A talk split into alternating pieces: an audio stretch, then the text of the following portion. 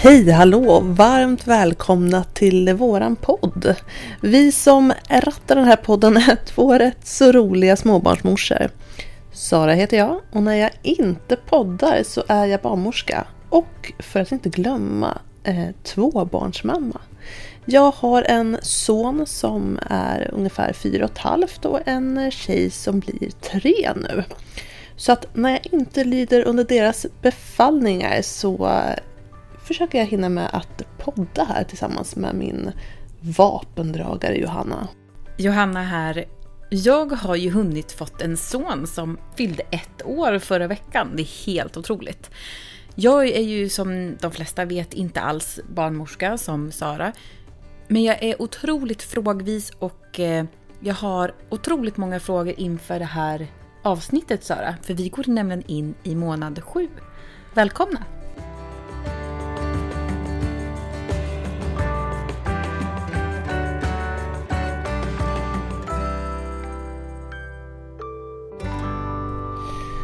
Då tror jag Johanna att eh, både jag och eh, alla poddlyssnare där ute i eh, cyberspace funderar på vad är egentligen du har för frågor och ämnen på lager till det här avsnittet? Jo, Sara, vi går ju in nu i månad sju. Och tror det eller ej, men det börjar faktiskt närma sig slutet av graviditeten. Och jag tänker så här. Idag ska vi prata om amning. Och det kan jag tycka är lite så här konstigt nu. Att prata om amning i den här tiden. För att nu är man ju inte alls intresserad av... Du tänker att man fortfarande är gravid? Ja, jag tänker att man fortfarande är gravid. Och jag vet att du Sara var på mig ganska exakt i den här tiden. amning. Eh, Johanna, du måste börja tänka på amning. Jag tyckte det var jättekonstigt. Ja. Så jag har jättemycket frågor om det. Och jag tänker att du ska få reda ut det. Men det, en, en, en viktig del som vi ska ta upp i det här avsnittet, det är förlossningsbrevet. Ja. Behöver man skriva ett brev? Och vad ska det innehålla, tänker jag? Mm.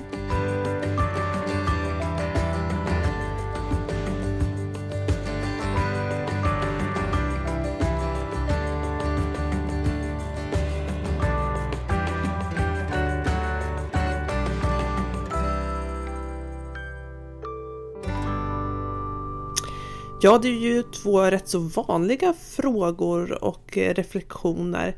Många säger ju att det här med amning inte tas upp någonting i graviditeten. Man får inte tillräckligt med information under sin mödravård och så vidare. Eh, det är ju en sanning med modifikation. Det kan såklart vara väldigt olika hur eh, regioner väljer att informera om det här med amning. Men nog pratar vi om amning. Eh, det står till och med i vårt basprogram där mot slutet av graviditeten och det är också någonting som tas upp på föräldrautbildningarna. Jag som då har haft de här föräldrautbildningarna ehm, vet att eh, nästan halva den här föreläsningen på typ fyra timmar handlar om amning. Eh, och är rätt förvånad över att samma personer sitter sen och säger att de önskar att de hade fått mer information om amning. Men jag tror att man är inte riktigt där då.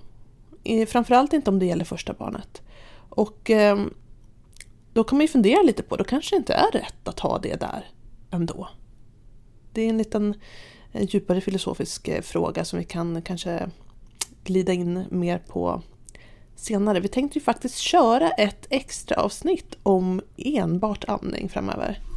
Mm, och jag tror att det är jätteviktigt, för jag var precis som de personerna i din föreläsningssal. Jag var inte alls intresserad av amning. Du halvsov lite, det var sent på måndagskvällen. Ja.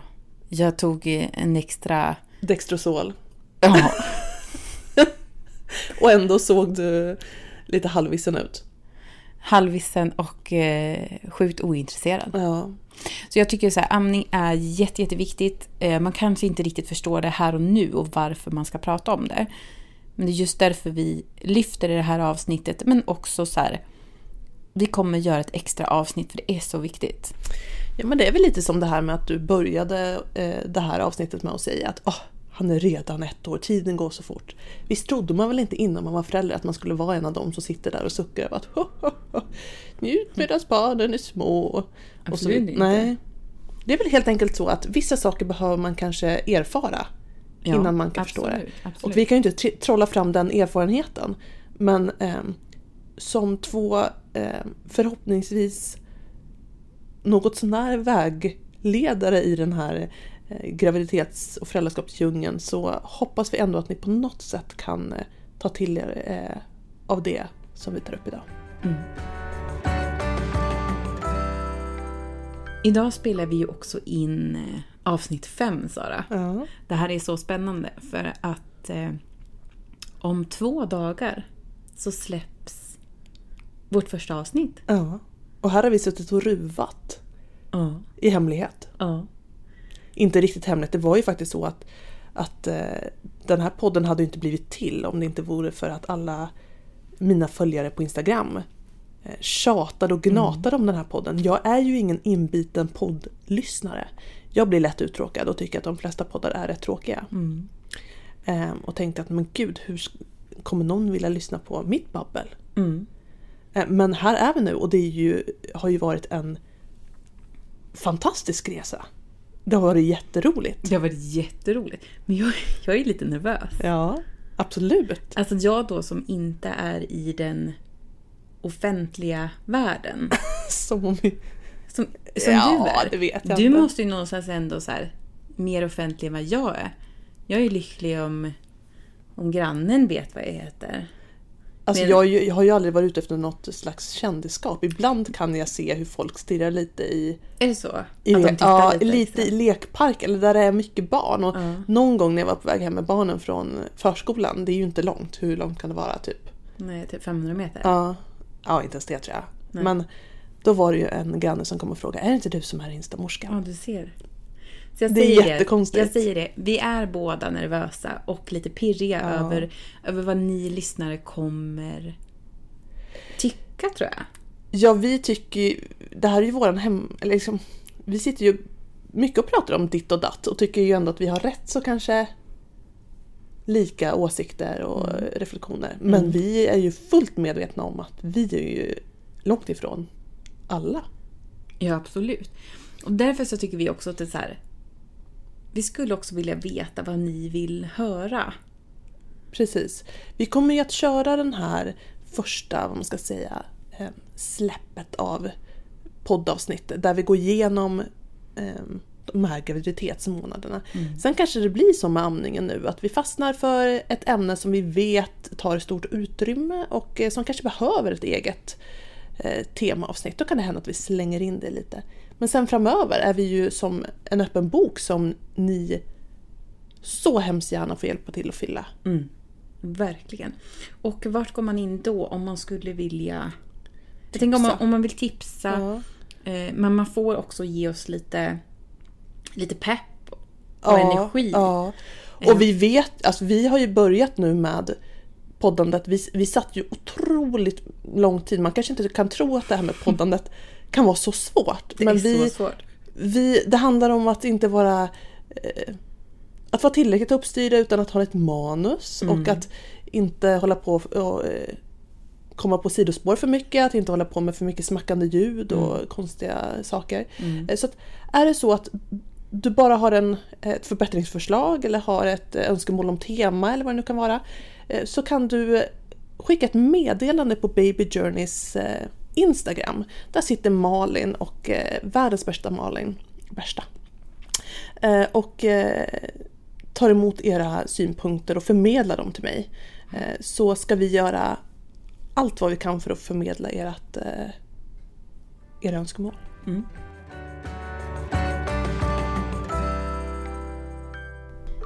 Jag tycker Sara att vi, eh, vi börjar med det som vi har pratat mest om sen vi startade nu. Amning. Ja. Eh, och eh, den, den frågan som jag kanske ställer mig mest, liksom så här, den som jag mest undrar över varför vi pratar om just här och nu. För att som jag sa innan, jag var inte alls redo för att prata om amning där och då. Då var jag så himla fokuserad på så här, ska de inte prata mer om förlossning och, och så vidare. Men, men du var ju på mig i mån, och ganska exakt i månad sju angående amning. Och jag har en fråga så här, hur ska man, hur ska man tänka med amningen? Och varför är det så viktigt att prata om det nu?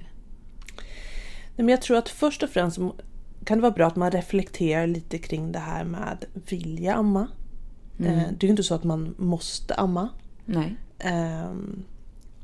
Och eh, lite fundera kring varför vill jag amma? Ehm, men också vara ödmjuk för inför att det kan vara skitsvårt att amma. Ehm, om man pratar med min mamma, alltså jag hade, jag, hade ju, jag var ju barnmorska när jag fick barn och hade ju läst massor om amning och hej och hå. Ehm, och min mamma hon sa ju jämt att bara, äh, det är väl bara att slänga upp U- ungen på bröstet liksom. Så som mycket är när hon snackar och jag tror den generationen snackar. ehm, att äh, det var väl inga konstigheter. De har säkert glömt mycket också. Alltså jag tror att de har glömt så Ja. mycket grejer. Och det är samma så här, ja, inte höll jag på att eh, inte äta något speciellt och hej och hå, ut kom ungarna levande. Ja absolut, men vi vet ju mer saker idag. Ja. Så är det ju. Eh, Vi vet ju också att det är, finns många hälsofördelar för barnet och för eh, mamman eh, om man ammar. Men hur länge, alltså jag tänker så här typ, vad är... Finns det något snitt på hur länge man ska amma? Alltså ska nu inom situationstecken. Nej men WHO rekommenderar ju helamning i sex månader Ja. och sen delamning upp till två år. Ja. Eller så länge mor och barn vill. Och det, det här det kan ju också bli ganska provocerande. Eh, så för min del så gick amningen väldigt bra. Jag ammade december, december januari, februari, mars, april, maj, juni, juli, augusti. Åtta månader då. Du hade nio fingrar uppe. Hade jag. Ja, men också så var det ju så här att du hade ju ingen, ingen liksom superlätt förlossning. Det känns som att man får sin beskärda del. Ja, kanske. Men också så här, typ, jag hade ju heller inga så här, Jag hade ju heller inga tankar om hur länge jag skulle amma. Nej. Eller att jag var tvungen, utan jag var väldigt så här, okej, jag tänker göra det så länge han vill göra det. Du hade ju rätt så neutral inställning till det här och kanske inte hade så mycket press och stress över amningen. Och det kanske hjälpte dig. Men det kan, ja, kanske eller kanske inte, jag vet inte. men det finns ju också de som har ehm, känner en otrolig press i att Åh, det här ska funka. För man får inte glömma att det här med att ge sitt barn mat är en sån grundläggande eh, liksom, djurisk drift i oss. Och kanske därför vi också tar oss fräckheten och friheten att ehm, kommentera folks sätt att amma. Eller mata sina barn. Alltså jag förstår inte. Ja, det- Varför måste alla lägga sig i? Om, om, om Kajsa väljer att amma i två år eller om hon väljer att amma i en månad. Ja, det tror jag vi kan diskutera ett helt... Det kan vi diskutera ett helt... Och det är därför jag känner så här. Vi kommer prata om amningen till ett till helt nytt avsnitt. Men, men liksom, vi behöver inte radda upp, det kommer vi komma till i det avsnittet. Men, men det finns sammanfattningsvis ett gäng hälsofördelar för både mor och, eh, och barn. Eh, som inte ersättning kan ge på samma sätt. Eh, men ersättning ge- gör ju att ett barn får precis de förutsättningar näringsmässigt. ehm, för att Ja. de ska kunna utvecklas som ett ammande barn. Och jag, jag, vi gav ersättning eh, till våran son de första två månaderna tror jag till och med att det blev. För att... Eh, för att i början så gick han inte upp tillräckligt. Eller vi, jag fick inte igång amningen ordentligt. Eh, så han fick inte, alltså han var väl hungrig stackarn. Då var det BVC som sa till det, eller var det på BB? Nej, det var på BB. Ja. Så, så fick vi, så vi gav honom ersättning ganska långt in. Jag tyckte det var ganska skönt för han, eh, han, han var ju så himla tunn. Så då tänkte jag så här, det här blir ett bra... Det kan ju också vara lite frustrerande så här, som eh, när man ammar, att man vet inte hur mycket barnet får i sig. Ehm, Men det vet man väl fortfarande inte? nej men jag tänker när man ger ersättning så, så mäter man ju upp så här mycket och så Ja, vidare. jo. Och det här handlar väl om liksom människans på något sätt grundläggande kontrollbehov. Mm. För att ett barn som mår bra, utvecklas som det ska, växer som det ska, kissar som det ska, eh, bajsar som det ska och så vidare, verkar må bra och sover. Liksom. Det, det får ju i sig tillräckligt men ändå vill vi på något sätt veta exakt hur mycket. Och jag tror att mycket handlar om tilltro till att din kropp fixar det här. Om du nu vill och kan amma. Och det här med kan kan ju vara så att man, man står på någon medicin eller av olika anledningar inte kan amma. Däremot vill jag understryka att det är ändå beforskat kring det här med brist på bröstmjölk som ju är en så otroligt vanlig föreställning eh, hos eh, ammande. Att nej men jag eh, hade inte tillräckligt med mjölk. Det vet vi är otroligt ovanligt med eh, fysiologisk brist på bröstmjölk. Men vi vet att upplevelsen av den är stor. Och även här tror jag att man får på något sätt ha, man kanske inte har förstått hur mycket man faktiskt behöver amma för att eh, produktionen ska komma igång efter förlossningen och så vidare.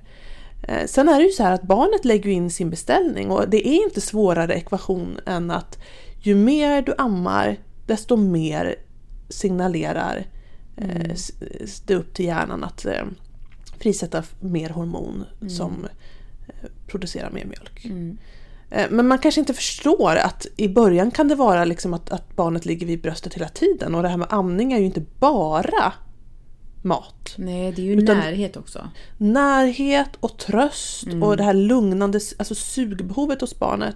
Och att få det tillfredsställt är ju eh, otroligt lugnande för barnet. Likväl som det finns här typ, okej hur länge ska du men amma? Men hur också, vad är, vad är vanligast? Du som barnmorska, får du höra typ så här Vet du hur länge de flesta ammar? Alltså om man göra ett snitt tänker jag. Nej men de flesta skulle jag säga eh, ammar ju, eh, om man nu bestämmer sig för att amma, så eh, brukar de flesta i alla fall köra de här sex månaderna av helamning. Viss- För vissa eh, börjar man och känner att Nej, men det här var absolut ingenting för mig och så br- börjar man blanda in lite ersättning. Eh, och är man inte då motiverad, och här är det absolut ingen värdering, men är man inte motiverad till att liksom eh, övergå till helamning igen Eh, Då är det ju liksom om man börjar hoppa över då amningstillfällen, det vill säga sugtillfällen och signaler för hjärnan att producera mer mjölk. Ehm, och istället enbart ge Ersättning. precis. Då är det lätt att den här produktionen sinar. Man tror att man helt plötsligt inte har eh, tillräckligt med mjölk. Eh, Självförtroendet sjunker och det blir en ond cirkel. Här är det ju också ett otroligt eh, att det är otroligt viktigt att, att man får stöd. Både av den närheten eh, de personer som finns i en omgivning men också att man blir erbjuden och vet var man kan vända sig i hälso och sjukvården om man vill få hjälp och stöd kring att eh, upprätthålla en amning. Sen betyder det inte att du är en bättre mamma bara för att du ammar. Och det vill jag Nej. verkligen Absolut understryka. inte. Men du måste oavsett vad du väljer att göra ehm, känna att du får stöd i den här processen. Ehm, och sen att vi kan väl jag, jag hoppas eh, någonstans att vi kan sluta värdera eh, så pass mycket och att vi vågar stå för att säga att nej men jag vill inte amma. Istället för att eh, kanske orsaka farhågor och rädslor hos nästkommande person som, som eh, vill amma. Att, vet. att, att, det Det är är så, att det är så vanligt i föreställningen att man inte har tillräckligt med mjölk.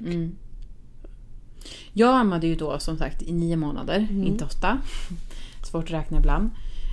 Och jag kan tycka att det var så, alltså det var så långt. Alltså när jag slutade så kände jag någonstans att jag var ganska lycklig. Ja. Mest för att så här, åh vad skönt att man kan dela på ansvaret att ge mat.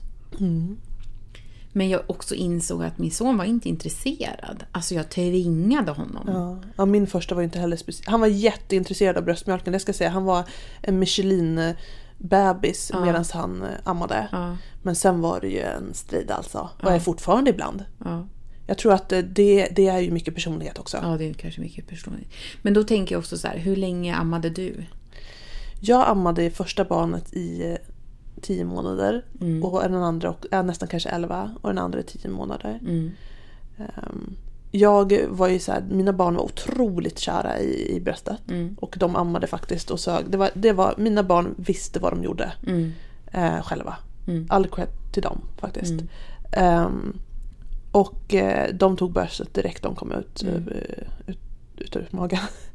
Ehm, så jag tänkte så att men hur ska det här gå Mm. när jag- man ska sluta? När jag ska sluta. Och ehm, jag Det tror att ju- alla som ammar känner ju det här någon gång att, att Nej, jag ska inte säga alla som ammar. Vissa älskar ju det här med amningen mer än andra. Ja, Men den, man längtar ju lite, jag tror att det är rätt så vanligt att man på något sätt eh, längtar efter att få sin kropp tillbaks kanske och inte att... ja, och få vara ensam i, i sin kropp. Men, men sen är det ju också en process att någonstans sluta amma. För det är också en väldigt fin koppling man har till sitt barn. Ja. Och en del har ju liksom ångest över att man förlorar den Precis. kopplingen. Är det sista gången jag kommer amma nu och Ja, så vidare. vilket jag inte tycker att, att det är. Men, ehm, för att jag tänker att det finns en annan koppling ändå. Jo, än bara men den måste kanske få mogna fram. Absolut. Men för mitt första barn, han helt plötsligt en morgon så ammade han väldigt kort. Mm. Och sen eh, försökte jag amma honom, men då, var man, ju- då åt de ju också mat när de är så här närmare året. Mm. Så att eh, ja, naturligt så kanske man inte är lika intresserade. Och sen har ju båda mina haft napp också, så att det har inte varit liksom att de bara behövt eh, bröstet för tröst på det sättet. Men ehm, han, han i princip bestämde sig en dag, ja, jag försökte igen lite senare på dagen, eh, var rätt så ointresserad. Mm. Eh, försökte en gång på natten, för då var jag inte så vaken och, Mm. och kunde säga ifrån. Men sen var det liksom slut. Mm. Det, han ville inte själv, helt plötsligt. Mm. Eh, och mitt andra barn så började, behövde jag käka en, en medicin som man absolut kunde amma på.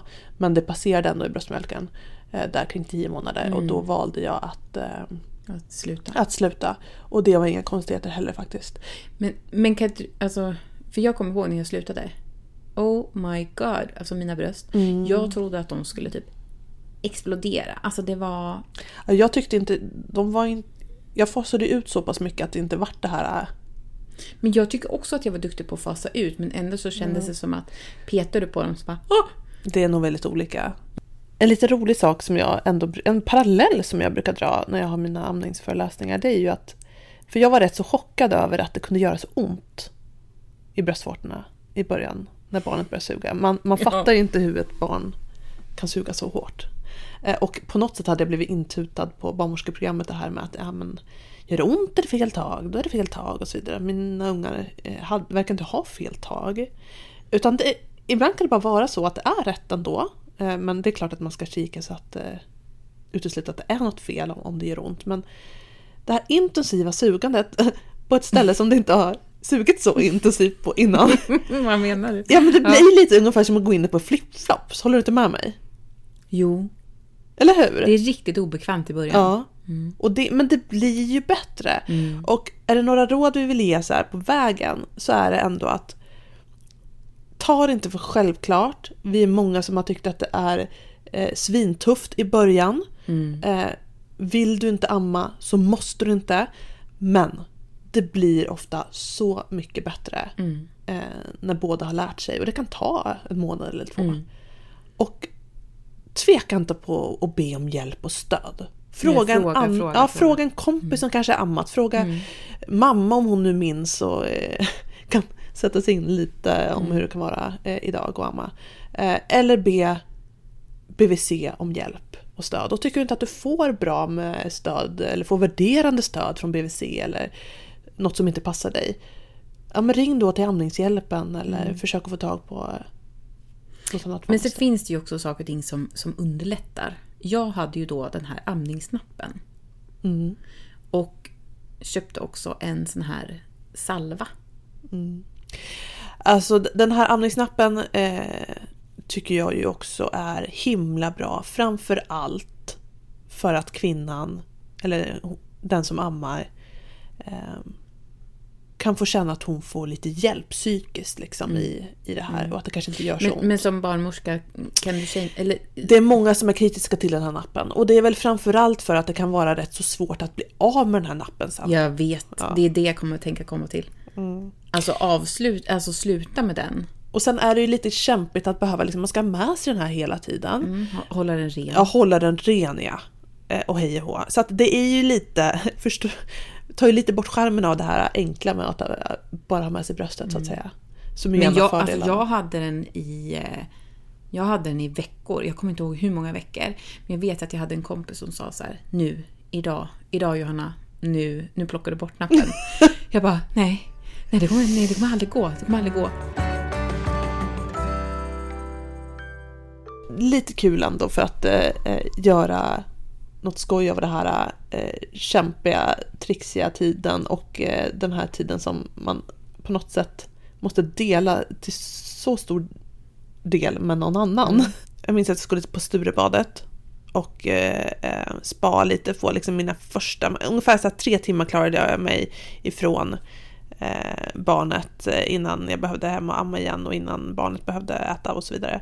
Eh, men alltså, där eh, befinner man sig i en rätt varm miljö. Och jag bastade och gjorde allt sånt här vätskedrivande. Som alltså mina bröst höll ju på att... Eh, Explodera. ja. Mm. Jag fick ju ställa mig i duschen och handurmjölka ur det värsta trycket för mina bröst... badet? På badet, ja. Och jag brydde mig inte. Men stod du själv där eller var det? Men jag minns inte. Jag var som inte liksom, Nej, det, var, det var inte fokus just då. Och så kommer jag ihåg att, och så är det ju så här när man ammar, många gånger så är man avundsjuk på de som inte ammar. För att de kan liksom åka iväg Och göra vad man vill. ja, en hel dag eller varför Mm. inte en vecka. Ehm, sen är det väl så här såklart att de saknar ju sina barn lika mycket fast de inte ammar. Det handlar ju Ja, inte om ja, det. ja. Ehm, men det är ju en helt annan form av flexibilitet. Eh, Därmed inte sagt att, att det här med, för det är ju många som tar upp det som argument för att till exempel inte amma. Eh, Man behöver inte ens ge några argument eller ens motivera det egentligen. Men det här med att det ska vara jämställt föräldraskap. Och där vill jag verkligen slå ett slag för att just det här med hur man väljer att mata sitt barn inte har någonting att göra med om ett föräldraskap är jämställt. Absolut inte. ingenting. Det finns så mycket annat som spelar in där.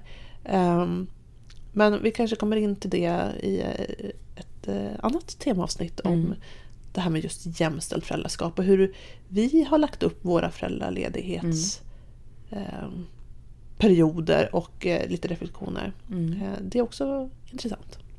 Jag har faktiskt inget... Eh, jag kan inte komma... Jag, någonstans måste jag ha det lite som en, en bubblare till amningsavsnittet. Ja, men ruva på den. Ja, jag ruvar på den. Så Jag, jag måste ta, ta mig tillbaka till, till amningstiden och, klura ut dem. Jag har inget sånt där som du vet poppar upp i... eh, ingen gång när du har råkat eh, skjuta iväg en stråle på eh, Jo, Grann. med- på grannen. Nej. Men, men däremot på min sambo. Ja men det är ju lite speciellt där när mjölken rinner till efter förlossningen och de bara är så stora så att eh, man hinner ju inte fram en handduk från duschen än så det Nej, bara sprutar. nej. Jag tänker att vi ska prata om förlossningsbrevet. Mm. Det här är ju någonting som... eh, Jag har ju lite svårt för det här. Eh, Jag skrev ju inget brev. Eh, Men... För jag, jag vet inte riktigt om jag, om jag tror på det, för jag tänker de som är där är ju proffs och har gjort det här hundratusen gånger om. Pratar du om det här med din barnmorska? Om du skulle skriva ett brev eller inte? Ja, jag gjorde det. Och eh, jag sa att jag inte är intresserad. Hon bara, nej, men vi kanske ska skriva någonting. Att barnmorskan skulle skriva något i journalen i alla Ja, fall. precis. Mm. Eh, och då, då skrev hon att, eh, eh, för jag sa att min sambo kanske svimmar. Då, då sa hon så här, okej, är det typ det du vill skriva? Jag bara, ja. För att, så att de vet om att han Ja, kan liksom ja. singla ner. Mm, varpå min sambo som var med under det här samtalet sa, okej, om jag singlar ner, då vill jag att de inte bryr sig om mig. Och, och min barnmorska bara, okej, v- vad menar du? Så här, fokus på Johanna, fokus på Johanna och barnet, inte mig. Så här.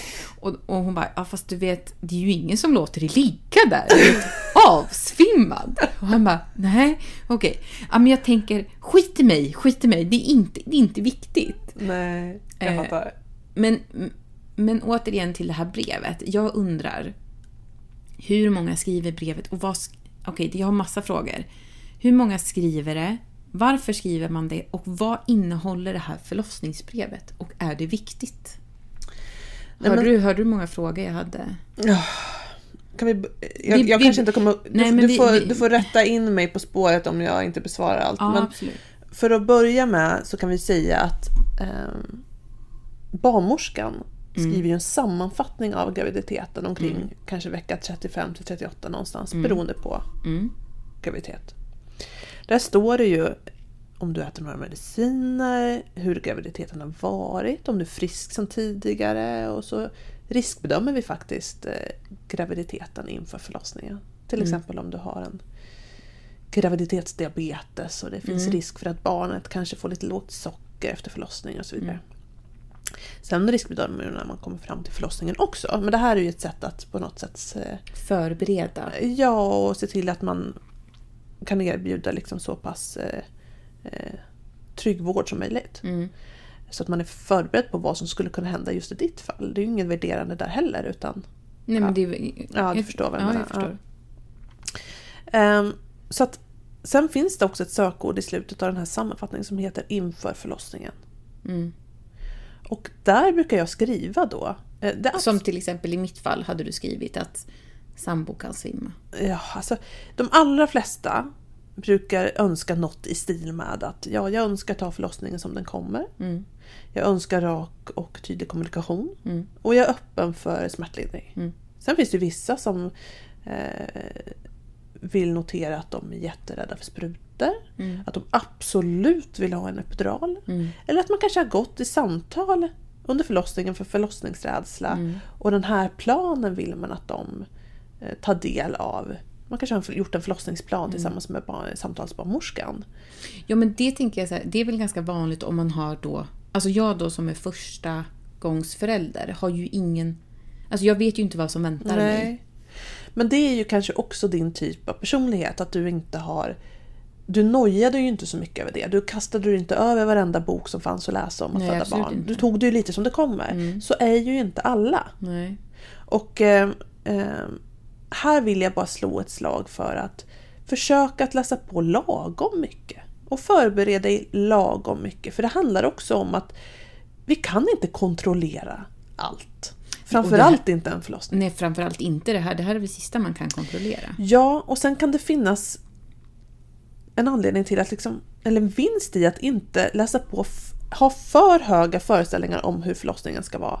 För att då är det ju lätt att man blir besviken efteråt. Om man tror att det bara är, om man har sett massa YouTubes på där eh, folk föder barn utan att, att göra ifrån sig ett ljud och bara lyfta upp benet och ta emot sitt barn själv. Då tror jag att många skulle bli väldigt besvikna. Mm.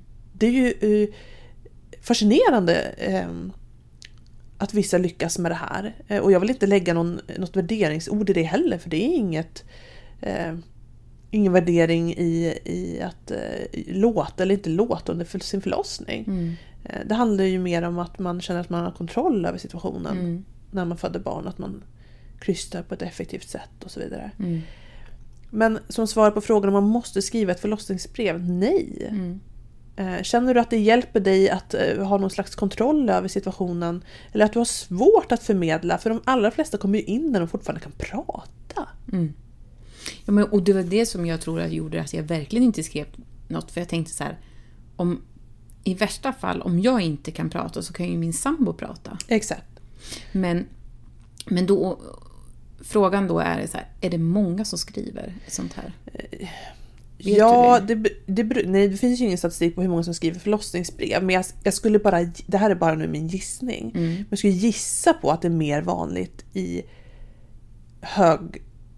högutbildade områden Mm. som kanske har ett högre kontrollbehov. Det här är bara mina spekulationer. Mm. Eh, För att det på något sätt är ett sätt för oss att kontrollera förlossningen.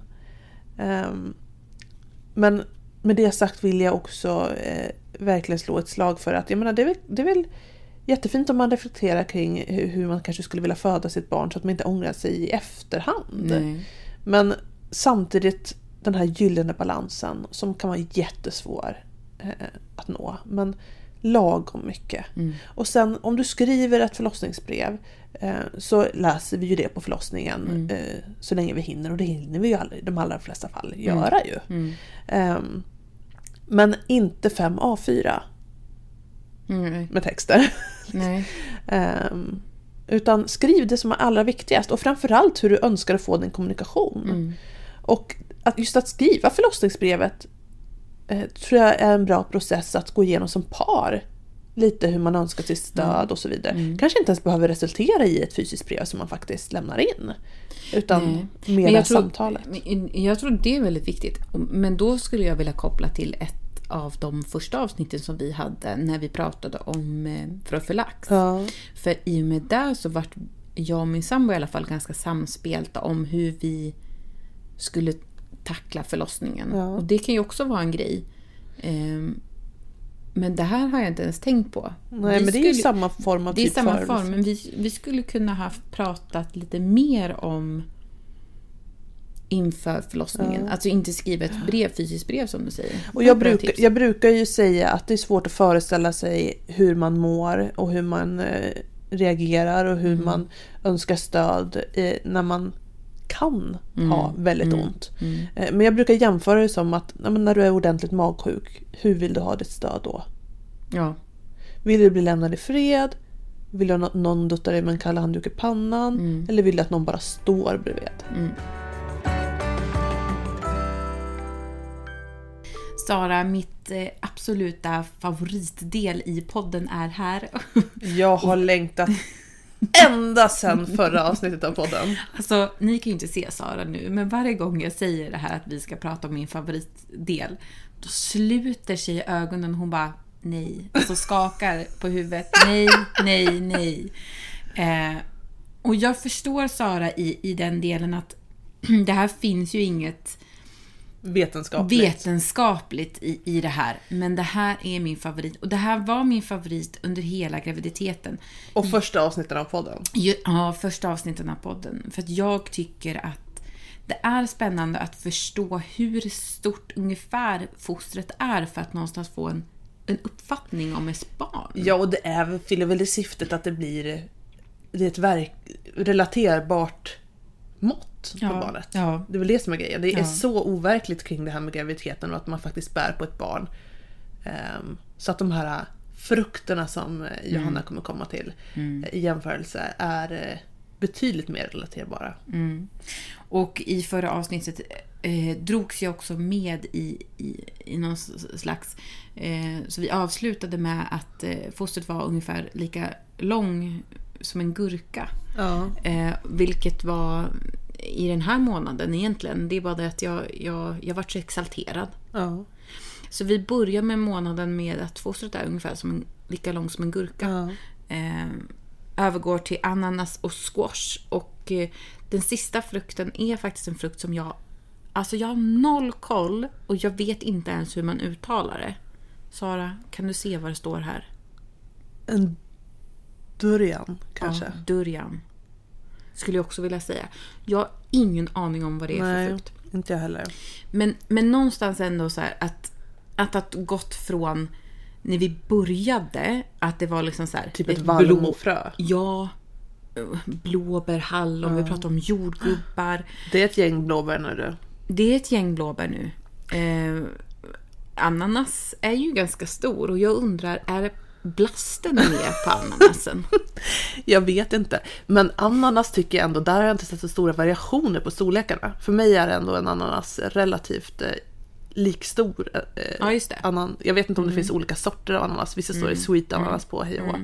eh, Däremot squash tror jag kan vara rätt olika storlekar på. Ja, det det finns inte såna här tävlingar i störst squash och grejer. Jo. Men jag tänker så här, det- som nå- någonstans också blir eh, det som vi har pratat om att ja, ett salladshuvud och så blir det en, en gurka. Att, att någonstans att det är väl längden på, på Ja, grönsaken. jag tror inte man är smal som en gurka. Liksom. Nej, Nej, utan det handlar väl utan mer om att... längd, ja, längdmässigt. Eh, Det här med durian eh, låter vi vara osagt. Ja. Eh, ni får jättegärna informera oss om eh, vad en durian är och vi har säkert helt fel uttal. Ja, det är precis det jag tänker. Uttalet är nog... Nu sitter de och fnissar åt oss i sofforna där ute. Mm. Det kanske, Du- det kanske heter durian. ja, och det, kan- Det låter som en marsian. ja. Och- det är kanske är jättemånga som vet vad det här är för frukt. Ja, och tycker att vi är helt blåsta. Ja, men då får vi, vi bjuder på den. Ja. Vi bjuder på den. Något annat som vi bjuder på, det är faktiskt att vi ska fortsätta i, eh, i poddavsnittet. Och eh, vi har nämligen kommit till eh, den delen att så här, hur mycket grejer ska man köpa inför, för, inför eh, barnets ankomst? Ja, och eh, det finns ju faktiskt checklista för det här vad som kan vara bra att ha inför eh, att barnet kommer. Eh, Det är ju en checklista som man kan modifiera själv och eh, man behöver absolut inte köpa allt på den här checklistan. Eh, Men om man vill ta tips av några som har varit där och vet vad som kan vara bra att ha så finns ju den inne i Baby Journey-appen. Där finns det ju också väldigt många artiklar som jag har skrivit om just det här med amning om man känner att man eh, vill läsa på lite inför vårt amningsavsnitt. Precis. Men vi ska återgå till de här grejerna och vad man behöver. Och jag har en liten kluring. Ja. Jag tänkte så här att eh, vi listar tre grejer som inte kunde ha varit utan. Och, och tre, tre grejer som... Som du tyckte var onödiga? Ja. Ja. Och eh, jag kan börja med tre saker som jag inte kunde vara utan. Mm. Shoot. Ett. Bärselen. Ja, babybjörnen. Nej men alltså, jag gick... Nu gjorde du lite smygreklam för Babybjörn här. Ja, just det. Det gör ju inget. Det gör ingenting. Nej. Men det är bara för att jag hade den. Ja, det är många som har den. Mm. Det finns ju andra märken. Ja, det finns sjalar som folk har också. Ja. Det är väldigt eh, på tapeten och modernt att sjala. Men jag kunde alltså inte gå utanför huset om jag inte hade med mig den. Och det, det, det pågick upp till nio månader. Men, men nummer två som jag inte skulle klara mig utan. och Det här låter jättespännande. Men både jag och min sambo sa lövet. Vad är det? Ja, men Det vi, är, det är den där mattan han Ja. ligger på.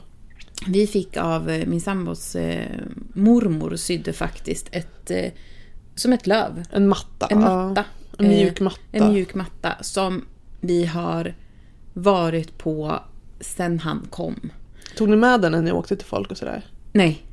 Nej. Du var bara hemma? Det var bara hemma. Varför tänker du att den var bättre än att ligga på typ en handduk? Nej men den var lite mjukare. Och den var också så här typ, han övade när han skulle sitta, när han skulle rulla runt. Det var liksom mjukt så han slog sig ju aldrig. Någon form av mjuk, mjukt underlag. Ja, det tyckte jag. Det, har, det här är också liksom någonstans där, typ, det här är också mina saker som jag tycker är.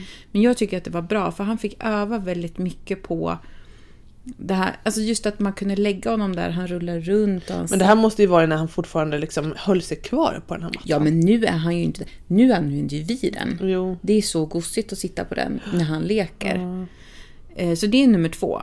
Men nummer tre som vi inte kunde vara utan, det är våran vagn. För hur den är, även om han inte har alltid legat i den, så har vi ju vaggat honom i då bärselen tills han somnade, la ner honom i vagnen och sen kunde jag gå en och en halv timme. Eh, Så vagnen är Höll ni på att vagga den här inomhus också? Ja. Åh herregud. Ja, det gick inte. Han, var, han är envis. Vad, tror du att du... Jag tror inte att det går att skämma bort barn, men det går ju att vänja barn vid saker. Tror, Ja. att, tror att du vande honom vid det här sättet att somna på? Jag tror det till slut. Eh, eller jag tror det att vi gjorde det. Eh, Men sen handlar det ju också om att, ja det kanske är så, men alla mår bra i det här. Man får ju välja sina strider. man får välja sina strider. Men så kan jag också, så att, eh, jag kan också tänka i den här delen, så här, typ vad man ska köpa och vad man inte ska köpa, Sara. Eh, Det ska understrykas att vi har fått ärva till nästan allt som vi har i hemmet. Ja. ja, det var ju så att du sa nej till saker som jag ville att du skulle ha. Ja. Eh, alltså vi har ju en otroligt fin... Eh, Förmån. för, ja, verkligen. Av Johns eh, bror och fru. Eh, som har två barn innan. Som har varit så snälla att spara mer eller mindre allt till oss. Men ni måste ju haft ungefär samma stil då eftersom du ändå ville haft det här. Ja, men sen tycker jag också så här, typ saker och ting är så här. Varför ska vi... varför ska vi liksom slänga eller ge bort saker eh, när man kan använda dem till... Alltså jag tycker, jag tycker det här med att här, man behöver inte köpa allting nytt. Nej. Eh, och det här kommer vi också då in på liksom vilka saker som vi kunde ha varit utan. Mm. Eh, och nummer ett på listan är sängen. Mm. Vi köpte en säng som också var... Vi fick inte plats med en vanlig vanlig säng. Du vet en sån här Mm. En spjälsäng. vanlig Full spjäll. stor spjäl. Nej. Eh, Så jag var tvungen att köpa en specialare. Eh, Så till slut så slutade det med att jag betalade 3000 för den här. Mm. Eh, Nu är den här begagnad. Så att jag inte köpte en ny. Hade jag köpt en ny så var liksom bara lilla delen kostade 5000. Mm. Så att... Och, och Det var onödigt i alla det fall. var sjukt onödigt. Han har ju inte Var har han legat... sovit då? Ja, han sover ju i våran säng. Ja. Men vad, hur tänker du då på det här?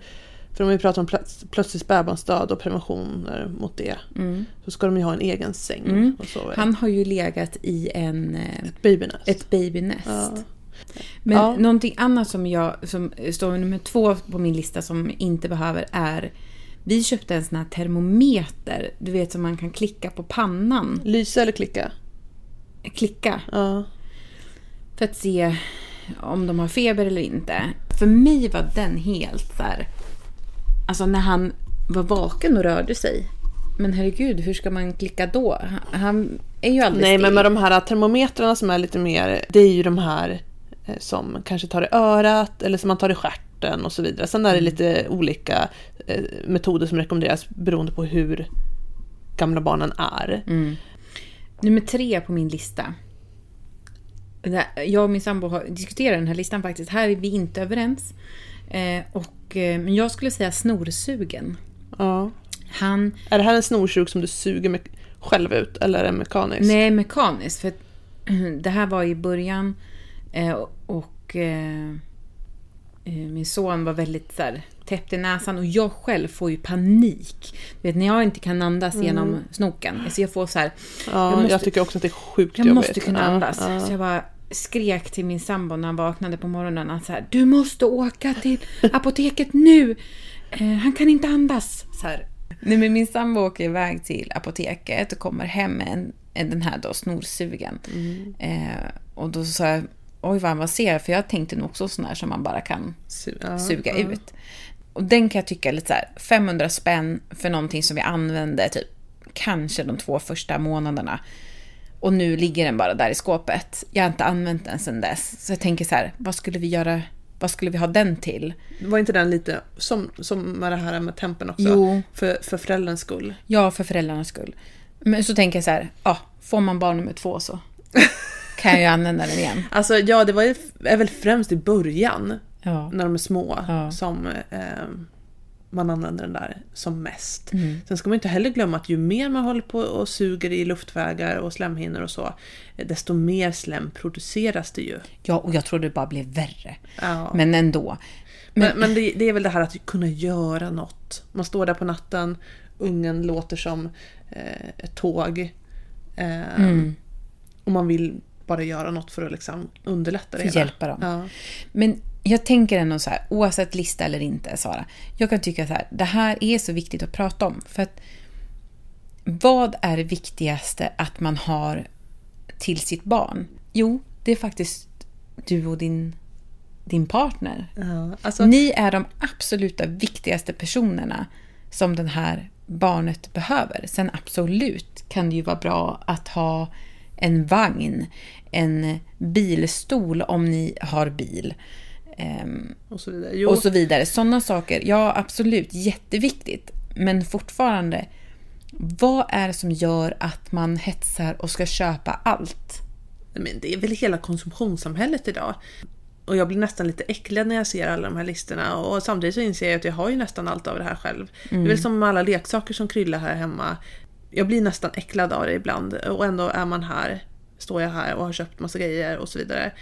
Som du säger, det är viktigt att understryka att det eh, absolut viktigaste som ett barn behöver i början, ja men det är ju omvårdande föräldrar. Lite basal omvårdnad, få hjälp med hygienen och så vidare. Mm. Eh, människodjuret, eh, människobarnen föds ju som ett av de mest osjälvständiga däggdjur Mm. eh, jämfört med andra. Om man tänker hästen som reser sig upp och går till exempel. Ja. På stapplande steg, Mm. eh, precis nyfödd. Eh, så att barn behöver hjälp med, att, med mat såklart. Eh, lite basal omvårdnad. Men sen också massor av kärlek. Massor av kärlek. Och någonting som vi ska slå ett slag för, tycker jag, det är just alla de här sidorna som finns där man kan köpa begagnade saker. Ja. För att det finns så otroligt fina barnkläder. Och de är ju ofta så oanvända. Alltså, jag har köpt så fina saker så ibland har jag undrat om de ens har använt dem. Eh, Till en bråkdel av vad det skulle kosta. Eh, vill du veta mina grejer eller? Ja, jag är jättespänd. För det är det här som är, det är, det här som är så spännande när man, när man har träffat Sara, för hon har så fina grejer. Så jag vill veta... Du har, jätte, ja, du har jättefina grejer. Va? Nej men... Inte på tal om att köpa nytt. Ja, jo, absolut. Ja, det är ju lite i mitt eh, fåfänga intresse. Jag tycker det är kul med färg och form. Och så.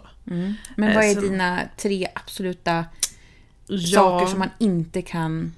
jag leva tyckte ju utan? då vagnen. För att jag har varit otroligt mycket ute eh, med framförallt första barnet. Mm. Eh, och eh, gått promenader och eh, hängt på stan och eh, en det ena än det andra. Jag mår ju inte bra av att vara hemma hela tiden. Mm. Eh, och den har ju verkligen fått en otroligt bra KPP. Ja. Sen skulle jag ju eh, säga amningskudden eftersom jag har ammat Mm. otroligt mycket mina ungar. Alltså, de har Jag ser till och med den i soffan. Ja, jag vet. Den har fortfarande inte lämnat hemmet. Nej, Nej. den är rätt skön att Ja. ha runt eh, ehm, som en nackkudde nu också. Den är inte så dum. Eh, så den har jag använt otroligt mycket. Mm. Sen eh, skulle jag säga framförallt barn nummer två, Mm. babysittern. Ah, Eh, mitt första barn bara satt gammal. som en klump i den här och typ böjde sig fram som en, en banan och mest ville ur den här babysittern. Eh, men barn nummer två, alltså Linnea, hon gungar i sig själv i den där. Det, det förstod aldrig mitt första barn. nej, hur man gör. Nej. Så hon gungade den där och var, hon älskar ju gunga, vanlig gunga nu också Jaha, på ett sätt som eh, Lukas aldrig har gillat. Mm. Så att den eh, var fantastisk Mm. som avlastning. Onödiga grejer då? On, ja, onöd, de tre onödigaste grejerna. Ja, eh, det måste väl vara alla de här plaggen i typ storlek 56. Knappt han använda innan de växte sig för stora. Jag använder ju mycket av Jo, men det var ju också för att mina ungar var så stora. Mm. De växte så snabbt. på. Sen vet jag inte riktigt mer. Vad är det mer som har varit onödigt? Ja, men det har väl kanske varit alla så leksaker också när de har varit små. och Inte... Och den här med tempen, det håller jag ju också med om. Eh, Jag tycker att det räcker att ha en vanlig. Och sen den sista grejen som kanske var onödig, det här blir väldigt på detaljnivå. Och den kanske sista saken då om jag ska fundera lite, den kanske är väl långsök men det är väl sommarsuffletterna till vagnarna. Ett, de släpper igenom massa ljus. Två, de släpper igenom massa kryp. Eller var det nät i dem kanske? Det, var. Det är nät i dem. Ja. Jag, tyck, jag förstår inte alls nu, för den, de här, jag tyckte att den var jättetrevlig. Jo men de är ju så tunna så det blir så himla varmt där inne. Så de här sommarsuffletterna har i alla fall jag aldrig använt. Däremot är de ju sjukt snygga. Ja, jag använde dem jättemycket. Jag tyckte de var jättebra, för då kom det in det lite luft när det var så varmt ute. Men någonting som vi också ska slå ett slag för, inte bara de här sidorna som man kan gå in och hitta begagnade saker, men fråga vänner och bekanta. Det är många, som jag har i alla fall i min vänskapskrets, som har barn. Eh, och många som, Du har fått tips från. ja, Men också att köp inte på er en bärsele kanske som är rätt dyr innan du vet att du behöver en bärsele. precis. Eh, Köp inte på dig en, eh, vad det än nu må vara innan du vet om du verkligen behöver det eller inte. Men man kan faktiskt också låna. Säga att jag vet att du har en bärsele. Då kan man faktiskt fråga Sara, hej skulle jag kunna få låna bärselen i en vecka för att se om mitt barn tycker om det eller inte? Nu har vi ju pratat i tid och otid känns det som här eh, under det här Mm. avsnittet. Men det är ju också, har ju varit lite rätt många filosofiska frågor. Eh, förutom det här då i kontrast eh, till det praktiska som man behöver Mm. ha med sig eh, eventuellt då inför att barnet eh, kommer ut. Eh, men du brukar ju så fint summera lite kring vad det är som händer inne i magen eh, under de här veckorna. Ja, Sara, fostret börjar nu eh, bli väldigt alltså, stor.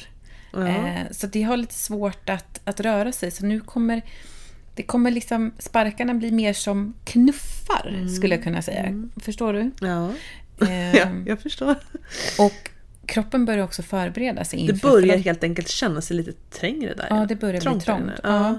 Eh, och kroppen börjar också nu förbereda sig inför förlossningen. Så att man kan få, det är väldigt vanligt att få lite förverkar. Mm. Och ibland så, jag har lite så svårt för så här, vad är förverkar? Men tänker lite som eh, en mensvärk. Ja, sammandragningar innan man går in i fullgången tid ska ju inte göra ont. Eh, men jag tänker att det här kanske är en tillfällig eh, liten verk som vid ansträngning gör sig till känna och som eh, försvinner direkt när man vilar igen. Och eftersom att fostret blir större och större så blir ju också lungor, urinblåsa och magsäcken får ju lite mindre plats.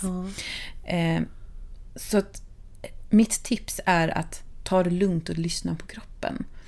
Johanna, jag tror ju att man ska hålla på med det man är bra på. Någonting som du är väldigt bra på, det är ju det här med att summera. Så att innan vi säger eh, tack för det här eh, snacket, så vad har vi gått igenom idag? Jo, Sara, vi har pratat om amning, någonting som jag tyckte var jättekonstigt att vi skulle prata om i början. Ja, innan, innan barnet är fött. Ja, innan barnet är fött. Men du kanske kan förstå det nu ändå? Nu kan jag förstå det. Precis. Önskar du efterhand att barnmorskan hade tryckt på mer eller hade det inte spelat någon roll? Du var inte där? Det hade inte spelat någon roll för jag var inte där. Nej. Så att amning eh, har vi pratat om idag och eh, just vikten av att amma eller att inte amma. Vi lägger inga värderingar i det. Nej, och att eh, vi pratar om amning för de som vill amma och försöker ge tips och tricks kring att eh, ja, men som underlättar amningen helt enkelt. Vi har också pratat om det här älskade förlossningsbrevet. Ska man verkligen skriva ett eller inte? Jag gjorde inte det, klarade mig ändå. Ja, jag gjorde ju inte heller det, men jag tänker att mig kanske man inte kan eh, ens ta som referens. Nej, eftersom, det är lite svårt. Ja, men det är ju någonting som i princip varenda gravid frågar om i alla fall. Eh, på mödravården.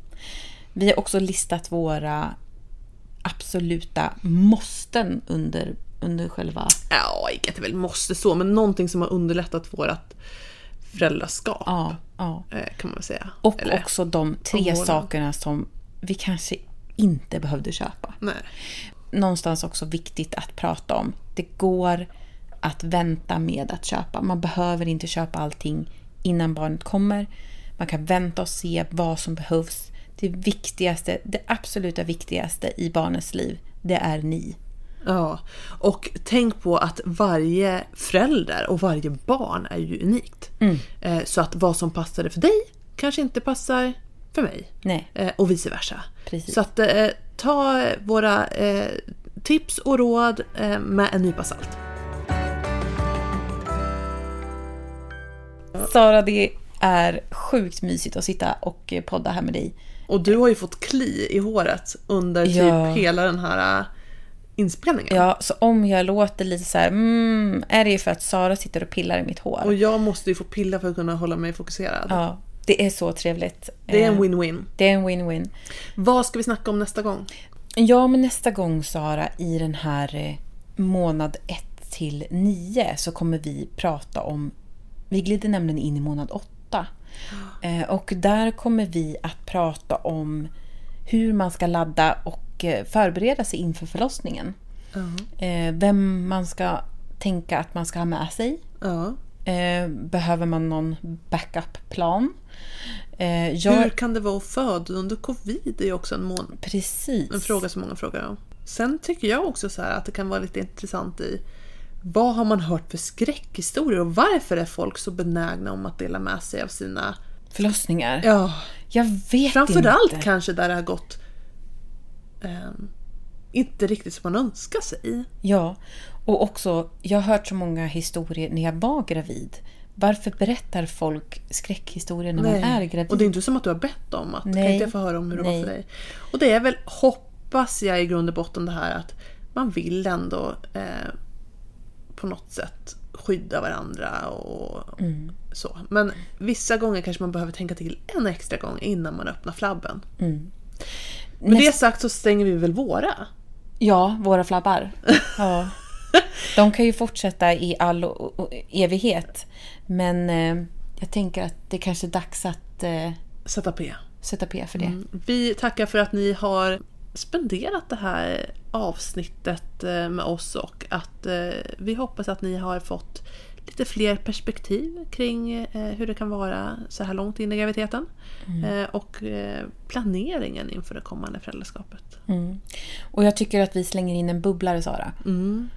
Jag tycker att nästa... Vi, vi slänger in ett, ett extra avsnitt. Om amning. Ja, Om det gör vi. amning. Ja. Men vi kan väl säga som vi alltid brukar. Jag säger tjing tjing! Puss och kram!